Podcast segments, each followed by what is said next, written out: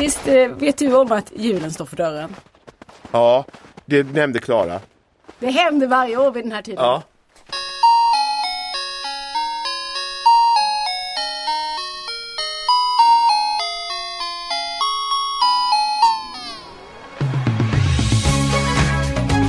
Pocketpodden.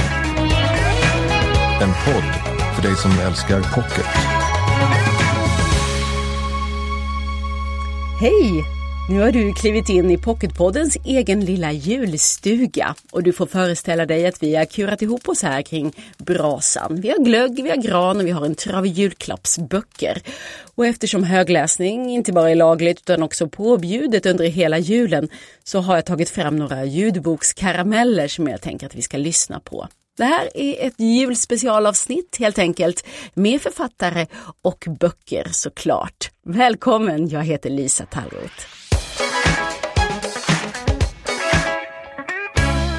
Ja, ljudbokskarameller, men de får inte bli för sockriga. Helst ska det vara en rejäl nypa salt på den klibbsöta knäcken tycker jag.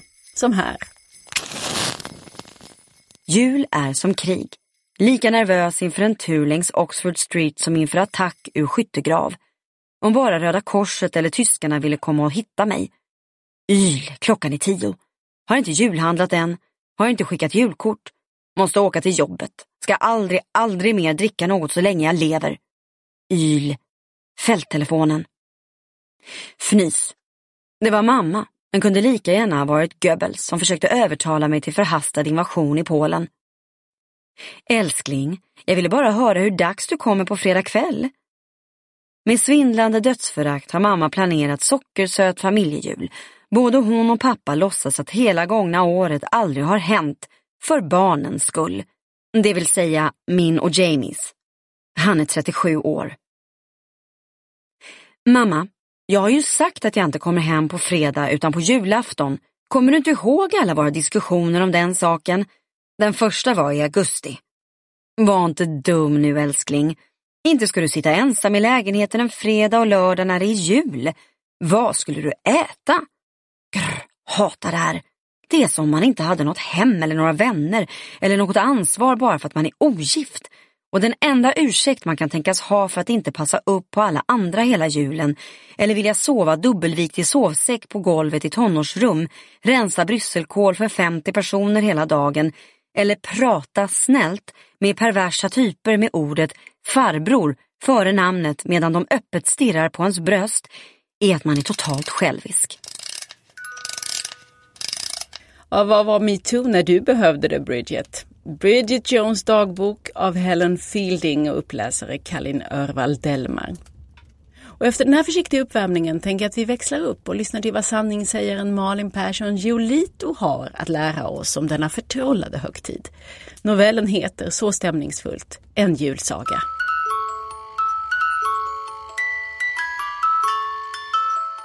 Julen kändes som ett hån. Tiden då familjer samlas. Då mänskligheten ska frälsas med kärlek. Den årligt återkommande decemberteatern. Plötsligt skulle varenda jävel skänka nötkräm och myggnät till svältande barn. Plantera träd i Amazonas. Samla ihop noppiga tröjor till välgörenhet och sitta på parmiddagar och påstå att vi funderar faktiskt på att låta en ensamkommande sova i gästrummet. Och ingen låtsades om det alla visste.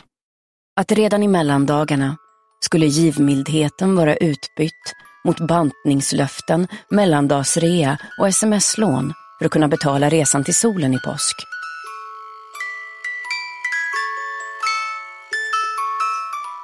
En julsmocka signerad Malin Persson Giolito här inläst av Anja Lundqvist. Måns Kallentoft var förbi här i podden. Han är ju en av landets stora spänningsförfattare och bor på Mallorca numera. Och det är också där hans senaste roman Se mig falla utspelar sig. Det har blivit ett långt och intressant snack om konst och korruption och det kan du höra den 3 januari här i podden. Och om det var upp till Måns så kunde vi nog snabbspola dagarna dit, för han är inte den som har gått och väntat på tomten hela året. Jag skulle gärna avstå, men, men det är okej. Det är väldigt vanlig jul.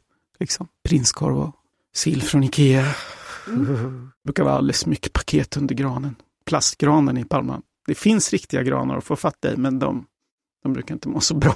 Men när vi började prata böcker och jag bad Måns om ett bra boktips, då vaknade han till. I år så ger jag bort en amerikansk roman skriven av Rachel Kushner som heter uh, The Mars Room. Och The Mars Room är en strippklubb där bokens huvudperson har jobbat. En ung tjej som växte upp ja, San Franciscos baksida kan man säga, en ganska hård uppväxt. Hon blir stalkad av en kund och slår ihjäl honom och blir dömd till livstidsfängelse. Så det är en inifrån skildring av liksom ett, ett kvinnofängelse i USA och hennes livshistoria parallellt med det. Ja, det är en väldigt, väldigt bra roman. Vi utsedd av Time till årets bästa roman, tror jag, 2018. Det är intressant läsning för det, det väcks frågor. Okej, okay, vad är det här stora jäkla landet?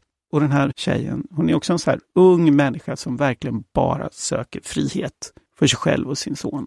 Och hon hamnar i fängelse på livstid. Och hela USA, det, det finns ju hur många människor som helst som sitter säkert i jakt på någon slags frihet i sina liv, sitter dömda till fängelse. Och det växer ju spännande frågor hur en kultur som är så inriktad på frihet, vilket jag, jag kan sympatisera med, det är det jag själv har försökt göra i mitt liv, känna mig fri i världen, är också den som skapar kanske de mest förvrängda avarterna av icke-frihet. Så det är intressant och det är den här tjejens livsöde blir någon slags gestaltning av den här, av skevheten i det amerikanska samhället som är ja, bra, djupt berörande. Marsroom, Rachel Kushner, under varje julgran, om jag får bestämma. Måns Kallentoft tillbaka i podden den 3 januari alltså och då pratar vi om de mörka bakgatorna i Palma. Möjligen finns det bara två sorters julfirare. De som liksom Måns Kallentoft tänker plastkran och och så den andra sorten, den som Fredrik Lindström skriver om i novellen En religionsfri jul. Där har Josefins pappa fått en ny idé. Han vill ha en jul utan minsta lilla spår av Jesus. Men alla barn är inte intresserade av nya idéer på julen. Kanske särskilt inte de vuxna barnen. Bonaden var naturligtvis bannlyst av flera skäl. Förutom dess bibliska motiv fanns där såväl klockor som en vänlig stor ängel. En ängel som faktiskt var lite rörande man tänkte på saken. Som kunde påminna en om förgångna tiders människor som levde mycket enkla liv, arbetade hårt och gladde sig åt sådana anspråkslösa saker som till exempel bonader. Väggen där den brukade hänga gapade deprimerande tom, tyckte Josefin. Hon behövde bonader. Hon behövde att saker var som förut. Hon behövde krubbor. Hon behövde små ulliga stanjolänglar. Hon behövde en motvikt till hopplösa Tinderdejter och barnen som firade jul i Hudiksvall med sin nya plastmamma. Hon behövde adventstakar. Hon behövde julhanddukar broderade med Staffans stalledräng. Hon kände själv att hon inte var helt rationell i sin argumentation. Det fanns mått av känslosamhet här. Enligt den enkla principen om att min fiendes fiende är min vän så började hon känna en allt starkare sympati med den här kristna bluffhjulen. Hon upplevde sig faktiskt mer och mer som ett språkrör just för döda släktingar och tafatta bonadssömmare och andra som uppenbarligen varit ute och cyklat i sitt julfirande. Och hon tänkte också på alla gånger som hon noggrant placerat ut herdar, visa män och Jesusbarn i krubban. Nu låg de alla skymfade och förnekade kvar i en låda i källaren. Det var som de alla uppmanade henne, uppmanade den slumrande sjuåringen i henne, hon som en gång varit deras vän och beskyddare, att göra uppror, inte bara mot nya sedvänjer utan mot hela det faktum att stora delar av livet bara kunde dra förbi sådär och att man kunde vakna upp medelålders och behöva fira jul ensam med sina föräldrar som om ingenting hade hänt sedan 1980-talet. Pocketpodden. En av årets bästa deckare har Kristoffer Karlsson skrivit, det tycker jag i alla fall. Den heter Järtecken och den utspelar sig i en liten by utanför Halmstad. Det här är Kristoffers egen hemtrakt. Och i det poddavsnittet som finns att lyssna på, där benar vi i skuld och skam och stormen Gudrun. Men när jag hade honom här så kunde jag förstås inte låta bli att fråga vad han läser i juldagarna. Den roman jag alltid tänker på när det kommer till eh, juletid och sådär, det är eh, väldigt, väldigt omtalad och eh, känd roman, men den kom för ganska länge sedan. Och jag återvänder till den ibland. Det är också en ganska kontroversiell roman, många gillar den inte, men jag tyckte den var fantastisk när jag läste den. Och det är Tillrättalägganden av Jonathan Franzen. Den handlar om eh, familjen Lambert där mamman heter Enid och eh, pappan heter Alfred och Alfred har börjat eh, förlora förståndet. Han eh, har Parkinsons har jag för mig, så han är, blir sjukare och sjukare. Och eh, de har tre barn. De är vuxna på olika håll och är eh, alla olika sorters katastrofer. och eh, Enid bestämmer sig nu för att försöka samla familjen i eh, familjehemmet för en sista jul men vägen fram dit så har vi liksom fått följa barnens olika livsvägar och livsval. Och eh, när vi väl möter dem i de där sista hundra sidorna så är alla känslor uppskruvade till 110. Det är så många små och stora draman som står på spel och den där julfirandet är verkligen allt det fina, allt det hemska, allt det jobbiga, svåra men också allt det fantastiska med julen. Så den minns jag med, med stor värme och eh, på sätt och vis igenkänning också. Jonathan Fransens tillrättalägganden. Har du själv skrivit om julen någon gång? Ja, i Järtecken finns det ju faktiskt en julscen. Två till och med va? Du vet, jag är, så, jag är som författare, jag är, jag är en sucker för sådana där grejer, du vet, högtider, framförallt jul, midsommar. Jag älskar de ögonblicken. För just för att de är så himla laddade. Vi kan alla relatera till dem. Så att jag skriver nog faktiskt ganska ofta om dem inser jag nu.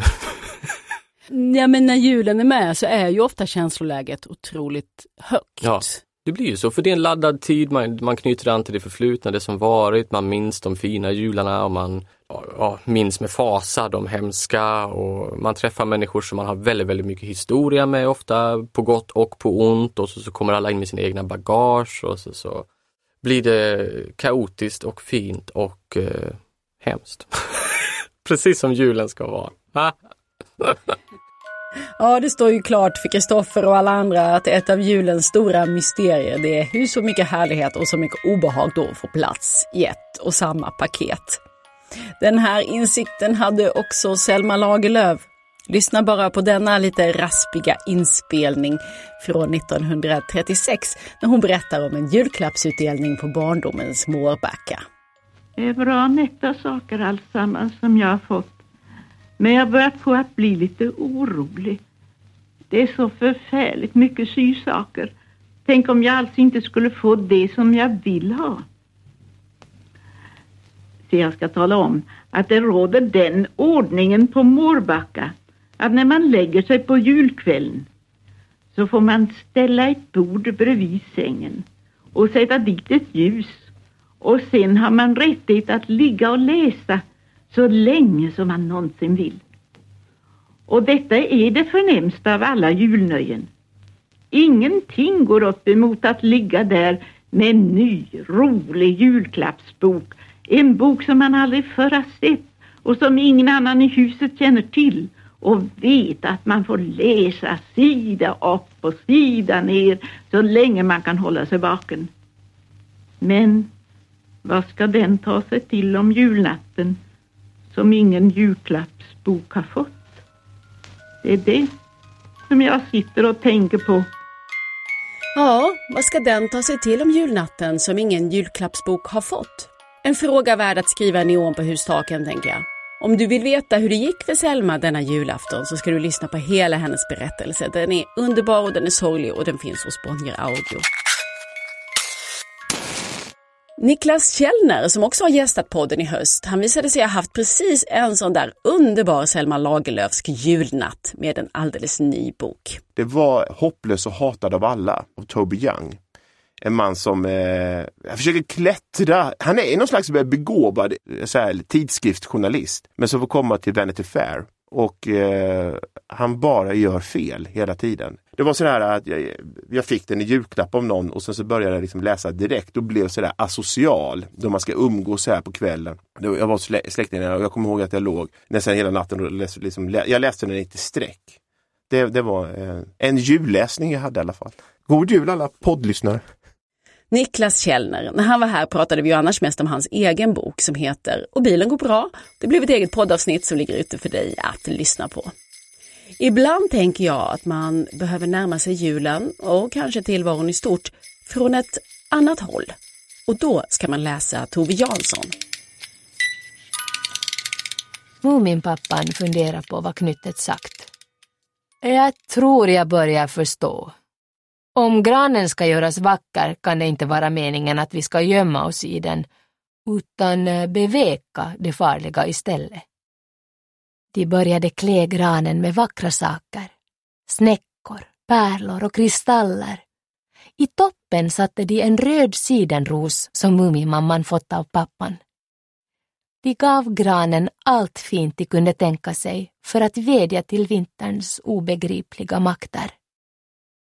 Nu blir kanske julen mindre hemsk, sa Mumintrollet. När granen var färdig kom något rött farande. Det var Filifjonkan som hade bråttom bråttom. Titta på vår gran! ropade Mumintrollet. Hu så den ser ut! Men ni har ju alltid varit underliga. Nu ska jag iväg. Måste laga mat till julen, ropade Filifjonkan. Mat till julen, sa Mumintrollet. Äter den också? Julen kommer till Mumindalen. Det här var ju uppläsning av Alma Pöysti. Ja, nog äter den alltid julen. Det är väl något av det bästa med alltihop. Och det var också det som författaren Jens Liljestrand satt och tänkte på när han var här för att prata om sin Vilhelm Moberg-biografi Mannen i skogen. Det avsnittet kan du höra nästa fredag här i Pocketpodden. Och när vi pratade jul och böcker, då sa Jens så här. Ja men jag läser ju faktiskt kokböcker. Jag tycker, jag och min familj vi tycker det är väldigt kul med matlagning och framförallt eh, godis och sånt till jul. Så jag faktiskt, min, min julläsning, min, min favoritjulkokbok är Per Morbergs eh, jul, eh, Per Morberg firar jul tror jag den heter. Som är full av, eh, vet, vet inte om, om Per själv lagar den här maten. Men jag tycker den är himla god, inte minst Per Mobergs eh, fruktkaka och sånt där brukar jag laga och han har också revbensspjäll och sånt där. Så jag tycker att jag tar fram kokböcker och läser dem faktiskt. Då ska man läsa om den maten man inte hinner äta? Ja men ofta finns det så härliga bilder och texter och så om hur, hur personerna står och stökar i köket. Man, man, man, man känner sig lite, lite mindre ensam och lite mer, lite mer eh, pigg, pigg på de dagarna som kommer. Jens Liljestrand. Nästa vecka har vi släppt Fruktkakan och då handlar det om Vilhelm Moberg.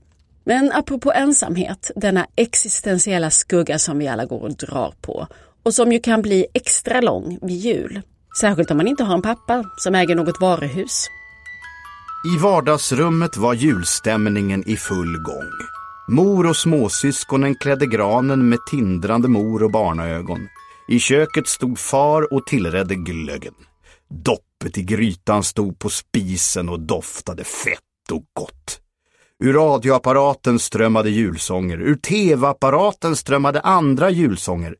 Alla var snälla och goda ända in i själen. Kort sagt, julen var kommen. En synnerligen god jul tillönskar jag dig, min välartade son, ropade far som provsmakat på glöggen. Nu är granen klar, sa mor. Är den inte vacker? Kom Tyko och sätt dit stjärnan i toppen. Detta var fars hedersuppdrag om jularna. Stolt klev han upp på en stol och fäste i granens topp den stora glittrande stjärnan för 14,50 som han gratis tagit med hem från sitt varuhus. Under skämt och glam doppades det i grytan i familjens sköte.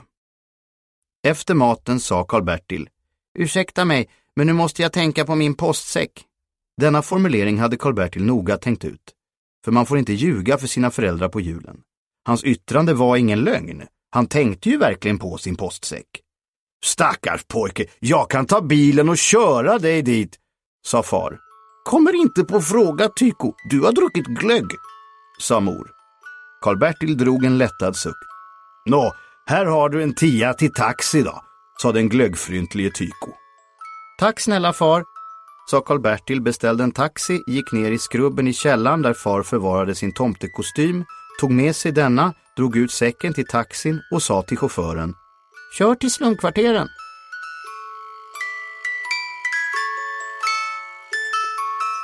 Ja, jag ville bara påminna om att sagan om Karl-Bertil Jonssons julafton ju faktiskt är en bok. Med ett budskap dessutom.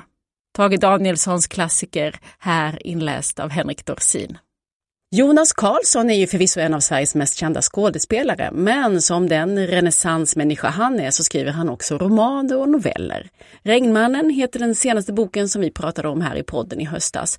Men då passade jag på att förhöra mig om en annan av hans romaner. God jul heter den kort och gott och frågan är om inte den håller på att bli något av en modern julklassiker. Men du, din egen historia, God jul, är det någonting som du tycker att eh, man ska läsa högt kring granen? Det kanske man inte ska läsa just högt kring granen, men, men man, man, man kan ju läsa den på kontoret kanske. En bokcirkel i december. Eh, ja, ja. Uff. Berättelse om eh, hur vuxna människor försöker göra saker tillsammans. Sen, sen måste jag bara tipsa också om en bok, den, den, den perfekta julklappen, eller den man alltid kan ge som julklapp. Det tycker jag är Olivia Lang heter författarinnan och boken heter Den ensamma staden, The Lonely City. Det är en fantastisk bok. Den har jag gett bort i julklapp till så många människor. det är så här essäer, eller vad ska man säga, om konst och om ensamhet. Jätte, jättebra bok. Hej, jag heter Jonas Karlsson och jag önskar er alla en riktigt god jul. Va? Nästan, nästan som Arne Weise där. Ja, om ämnena konst och ensamhet inte känns helt rätt att lägga i säcken så kan du ju gardera med författaren Karin Julströms julklappstips. Det var en jul när jag gav bort en bok som blev en sån succé i min släkt. Och det är den svenska sångboken. Alla blir glada över att få denna vackra pjäs. Man kan då på julen öppna den, hitta julsångerna som man annars sitter där och famlar. Ingen kan någon julsång, ingen kan andra versen, ingen minns hur den går. Då kan man sjunga lite grann ur den. Man kan också sen när de andra har gått hem kan man sitta och sjunga lite för sig själv. Här finns barnvisor, här finns gamla Taube, här finns Bellman, här finns moderna Niklas Strömstedt och så. Och eftersom den då är så svår att få tag på så blir ju det här ett slag för att man faktiskt handlar den eh, begagnat. Jag heter Karin Julström och jag vill önska alla mina läsare och alla andra också en riktigt, riktigt god jul. Jag vet, jag vet, nu har du annat att göra. Knäck ska kokas, gran och gris och glitter ska på plats. Du ska hinna bli osams med dina syskon, föräldrar, barn och så ska ni hinna bli sams igen. Och allt detta ska ske innan julafton helst. Men innan du sätter igång med allt det där, lyssna på en sista sak. För kanske är det här det enda du verkligen behöver ta med dig in i julhelgen. Jeanette Winterson heter författaren och klippet är hämtat från den helt underbara boken Juldagar här är inläsning av Angela Kovacs. Julberättelsen om Jesusbarnet är komplicerad. Det här är vad den säger oss om miraklen. Miraklen är aldrig lägliga. Babyn kommer att födas vare sig det finns ett hotellrum eller inte. Och det finns det inte. Miraklen är inte vad vi väntar oss. En obemärkt man och kvinna finner sig själva som föräldrar till världens frälsare. Miraklen spränger den existerande situationen och explosionen och tryckvågen innebär att en del människor kommer till skada. Vad är ett mirakel? Ett mirakel är ett ingripande. Det bryter igenom rymd-tid-kontinuiteten. Ett mirakel är ett ingripande som inte kan förklaras helt rationellt. Slump och öde finns med i blandningen. Ett mirakel är ett nådigt ingripande, visst.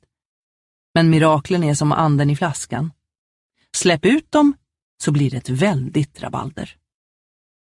Du kommer att få dina tre önskningar, men en hel del annat dessutom. Mrs Winterson ville ha ett litet barn. Hon kunde inte få något. Och så kommer jag men som hon ofta sa, djävulen ledde oss till fel krubba. Satan som en bristfällig stjärna. Det är sagoelementet i berättelsen. Ibland finns saken vi längtar efter, saken vi behöver, miraklet vi önskar, mitt framför ögonen på oss. Och vi kan inte se den. Eller vi springer åt andra hållet, eller, sorgligast av allt, vi vet bara inte vad vi ska göra med den. Tänk så många människor som får den framgång de vill ha, den partner de vill ha, de pengar de vill ha etc. och förvandlar det till stoft och aska. Precis som älvstoftet som inte går att använda. På julen tänker jag därför på julberättelsen och på alla julberättelser efter den. Som författare vet jag att vi klarar oss dåligt utan rum för fantasi och reflektion i våra liv. De religiösa festerna var avsedda för att vara tid utanför tiden. Tid där den vanliga tiden var underkastad den viktiga tiden. Det som vi kommer ihåg. Det som vi uppfinner. Så tänd ett ljus för de döda. Och tänd ett ljus för miraklen. Hur föga troliga de än är. Och be att du känner igen dina egna. Och tänd ett ljus för de levande. Världen av vänskap och familj som betyder så mycket. Och tänd ett ljus för framtiden. För att den må inträffa och inte slukas av mörkret. Och tänd ett ljus för kärleken. Den lyckliga kärleken.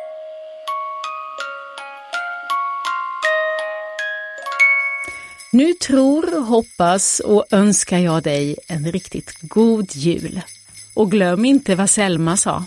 Vad ska den ta sig till om julnatten som ingen julklappsbok har fått? Du har lyssnat på Pocketpodden. En podd från Bonnierförlagen.